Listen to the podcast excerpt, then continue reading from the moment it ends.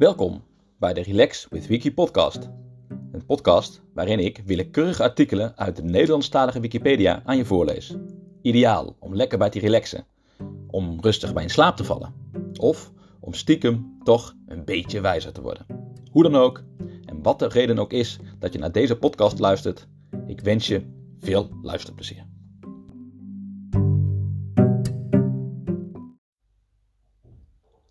David Livingston. David Livingston, geboren in Blantyre bij Glasgow op 19 maart 1813 en gestorven in Chitambo aan het Bangwelenmuur op 1 mei 1873, was een Schots zendeling en een van de bekendste ontdekkingsreizigers van Zuidelijk Afrika. Livingston werd geboren in Blantyre, een plaats op een tiental kilometers van Glasgow in Schotland, in een klein appartement van een huurkazerne, Shuttle Row genaamd. De kazerne was speciaal gebouwd voor arbeiders van de katoenfabrieken aan de oevers van de rivier de Clyde. Zoals ieder ander kind in het dorp werd hij reeds op tienjarige leeftijd te werk gesteld in de katoenfabrieken voor een 14 uur durende werkdag, van s morgens 6 tot s avonds 8 uur. Samen met de kinderen die in deze katoenfabrieken werkten, diende hij ook nog de nachtschool te volgen. De meeste kinderen konden door vermoeidheid nauwelijks hun ogen open houden en sliepen tijdens deze lessen, maar Livingston concentreerde zich en volgde aandachtig de lessen. Bij thuiskomst studeerde hij door en leerde zijn lessen tot diep in de nacht. Ook gebruikte hij, zowel in de katoenfabriek als daarbuiten, elk ogenblik om boeken en de natuur te bestuderen. Maar zelfs door hard en onverzettelijk verder te studeren, kon hij zich pas op 23-jarige leeftijd inschrijven bij de medische en theologische faculteit van het Anderson College van Glasgow. Hij studeerde er tijdens de wintermaanden en keerde tijdens de zomermaanden terug naar de katoenfabrieken om er te werken.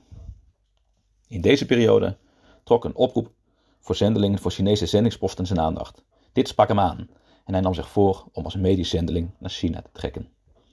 In 1838, toen zijn studie voldoende vergevorderd was, wendde hij zich tot het Londens zendingsgenootschap, de London Missionary Society, en solliciteerde er met succes naar een aanstelling als zendeling in China. Hiertoe geïnspireerd door de boeken van de Duitse zendeling Karl Gutzlaff.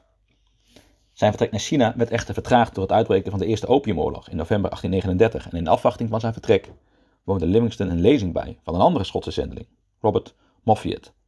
Deze Anglikaanse zendeling was op verlof vanuit zijn zendingspost in Kuruman in Zuidelijk Afrika, ongeveer 800 kilometer ten noorden van Kaapstad.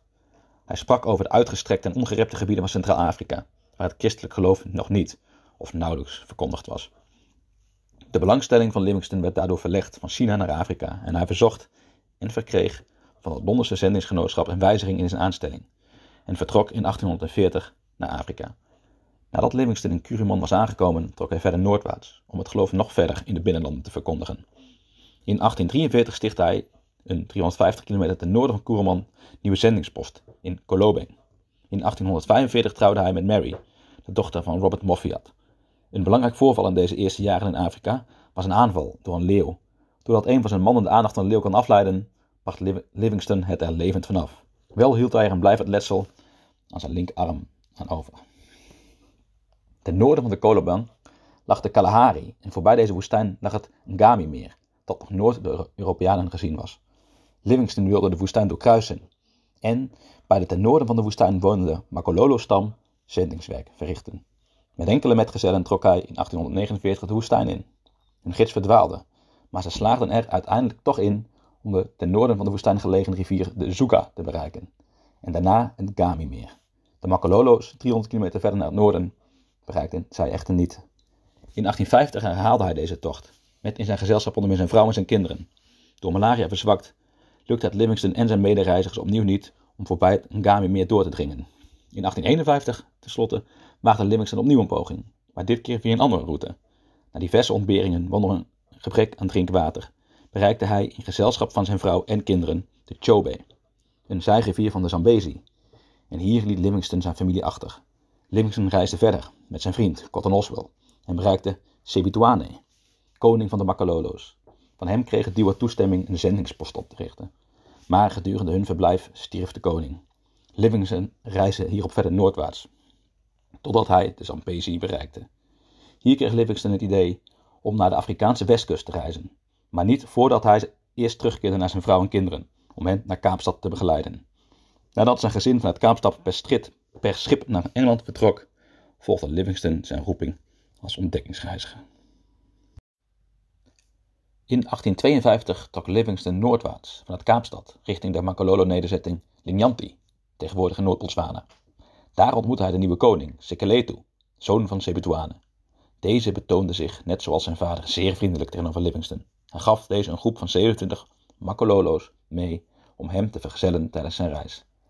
Livingston vertrok in januari 1854 stroomopwaarts over de Zambezi. Na de Zambezi, bijna tot aan de bron te zijn gevolgd, ging hij westwaarts richting de kust. En hierbij kwam hij in Portugees gebied, tegenwoordig Angola. En kwam hij voor het eerst in aanraking met slavenhandel. Dit vervulde hem met afschuw. Na een reis van 2400 kilometer door grotendeels nog onbekend gebied, bereikte Livingston Luanda, waar de Portugezen hem zeer hartelijk ontvingen. In september volgde Livingston de weg terug. Maar het duurde bijna een jaar eer hij Linyanti weer bereikte. Nog geen maand later vertrok Livingston opnieuw, ditmaal de Zambezi stroomafwaarts volgend. Op 17 november 1855 bereikte hij een reusachtige waterval die hij de Victoria-watervallen noemde. Op 10 mei 1856 kwam hij in de Mozambicaanse stad Kilimane aan, waarmee hij de eerste persoon was die van west naar oost dwars door Afrika was getrokken. In Engeland werd Livingston als een held onthaald. De Britse regering en de Royal Geographical Society bekostigden de, de volgende expeditie van Livingston. Hij wilde met deze expeditie het zuidoosten van Afrika openleggen voor de handel. Hier had hij twee redenen voor. Ten eerste hoopte hij dat de komst van normale handel een belangrijke factor zou zijn voor de uitroeiing van de Arabische slavenhandel in het gebied. En ten tweede hoopte hij dat dit de regio ook voor de christelijke zending zou openen. Livingston was van plan om de Zambezi te bevaren met de hiervoor in Liverpool gebouwde stoomboot Ma Robert. Dit was het eerste schip ter wereld met een stalen romp. In mei 1858 stond Livingston aan de mond van de Zambezi. De reis bleek echter tegen te vallen. Tot aan Tete verliep de reis voorspoedig, maar de stroomversnellingen van Kibrassa, waar Livingston op zijn vorige reis zonder ze te zien omheen was getrokken, bleken moeilijker te zijn dan hij had gedacht, en de Mar Robert kon hij niet verder. Livingston besloot daarop zijn aandacht te verleggen naar de Shire, een zijgevier van de Zambezi, maar ook hier werd hij door stroomversnellingen tegengehouden. Daarom besloot hij het gebied te voet verder te verkennen. Hij ontdekte het Chiva-meer en hoorde van het bestaan van het Nyasa-meer, het huidige Malawi-meer. Bij een volgende tocht trok hij de Shire op, tot aan de, tot aan de stroomversnellingen, om vervolgens over land naar het Malawi-meer te reizen. Hier kwam hij op 16 september 1859 aan. Hier bevond, zich, hij, hier bevond hij zich aan een van de drukste slavenroutes die vanuit het binnenland naar de kust voerden. Om verder te kunnen stuurde Livingston plan terug naar Engeland, om een boot te laten maken die uit elkaar genomen kon worden, en zo voorbij de stroomversnellingen naar rustige water gedragen kon worden.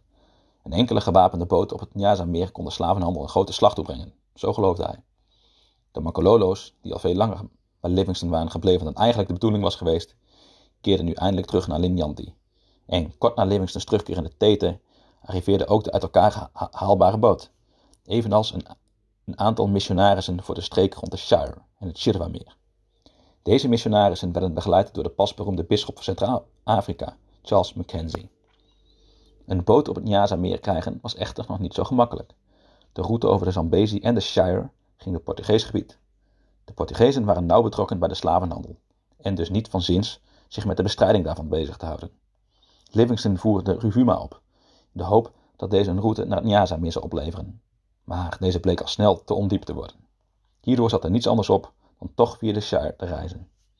Er werd een zendingspost opgericht en van hieruit bracht Livingston het Nyaza-meer in kaart. Pogingen om een schip op het meer te krijgen mislukten echter. En in 1863 werd de expeditie door de Britse regering teruggeroepen. In 1862 overleed Mary Moffat Livingston aan de rand van de Zambezi aan malaria. Zij is begraven in Chupanga, het dorpje waar ze overleed. Een van de belangrijkste vragen van de geografie van Afrika in de tijd van Livingston was de precieze locatie van de bron van de Nijl. Burton en Speke hadden respectievelijk het Tanganyika-meer en het Victoria-meer ontdekt, maar de kaart van het gebied was nog erg onduidelijk. David Livingston werd gevraagd om dit raadsel op te lossen. Livingston geloofde dat de rivier wellicht de door Burton en Speke gevonden meren stroomde, maar dat de eigenlijke bron zuidelijker lag. Op 19 maart 1866 vertrok Livingston vanuit Zanzibar naar de Ruvuma. Hij trok eerst langs de Ruvuma, daarna over land naar de Shire en vervolgens noordwestwaarts naar het Tanganyika-meer. Livingston en zijn expeditie leden honger en de gebieden die zij doortrokken waren ooit landbouwgebieden geweest, maar de slavenhalers hadden ze voor een groot deel ontvolkt. Bij aankomst aan het Tanganyika-meer waren het nota bene Livingstone's grootste vijanden de Arabische slavenhandelaren die hem verzorgden en hem meenamen westwaarts. Hier zette hij het meer hoe meer op de kaart. De slavenhandelaren keerden terug naar Ujiji, aan het Tanganyika-meer, maar Livingstone trok door het zuidoosten, waar volgens hem nog een meer moest liggen. Slechts vier mannen begeleidden hem. Uiteindelijk bereikte de kleine expeditie het Bangweelu-meer, maar de leden hadden geen ruilmiddelen meer en Livingstone was ernstig verzwakt. Hij kon niet verder reizen en moest zich opnieuw onder de zorg van slavenhandelaren stellen.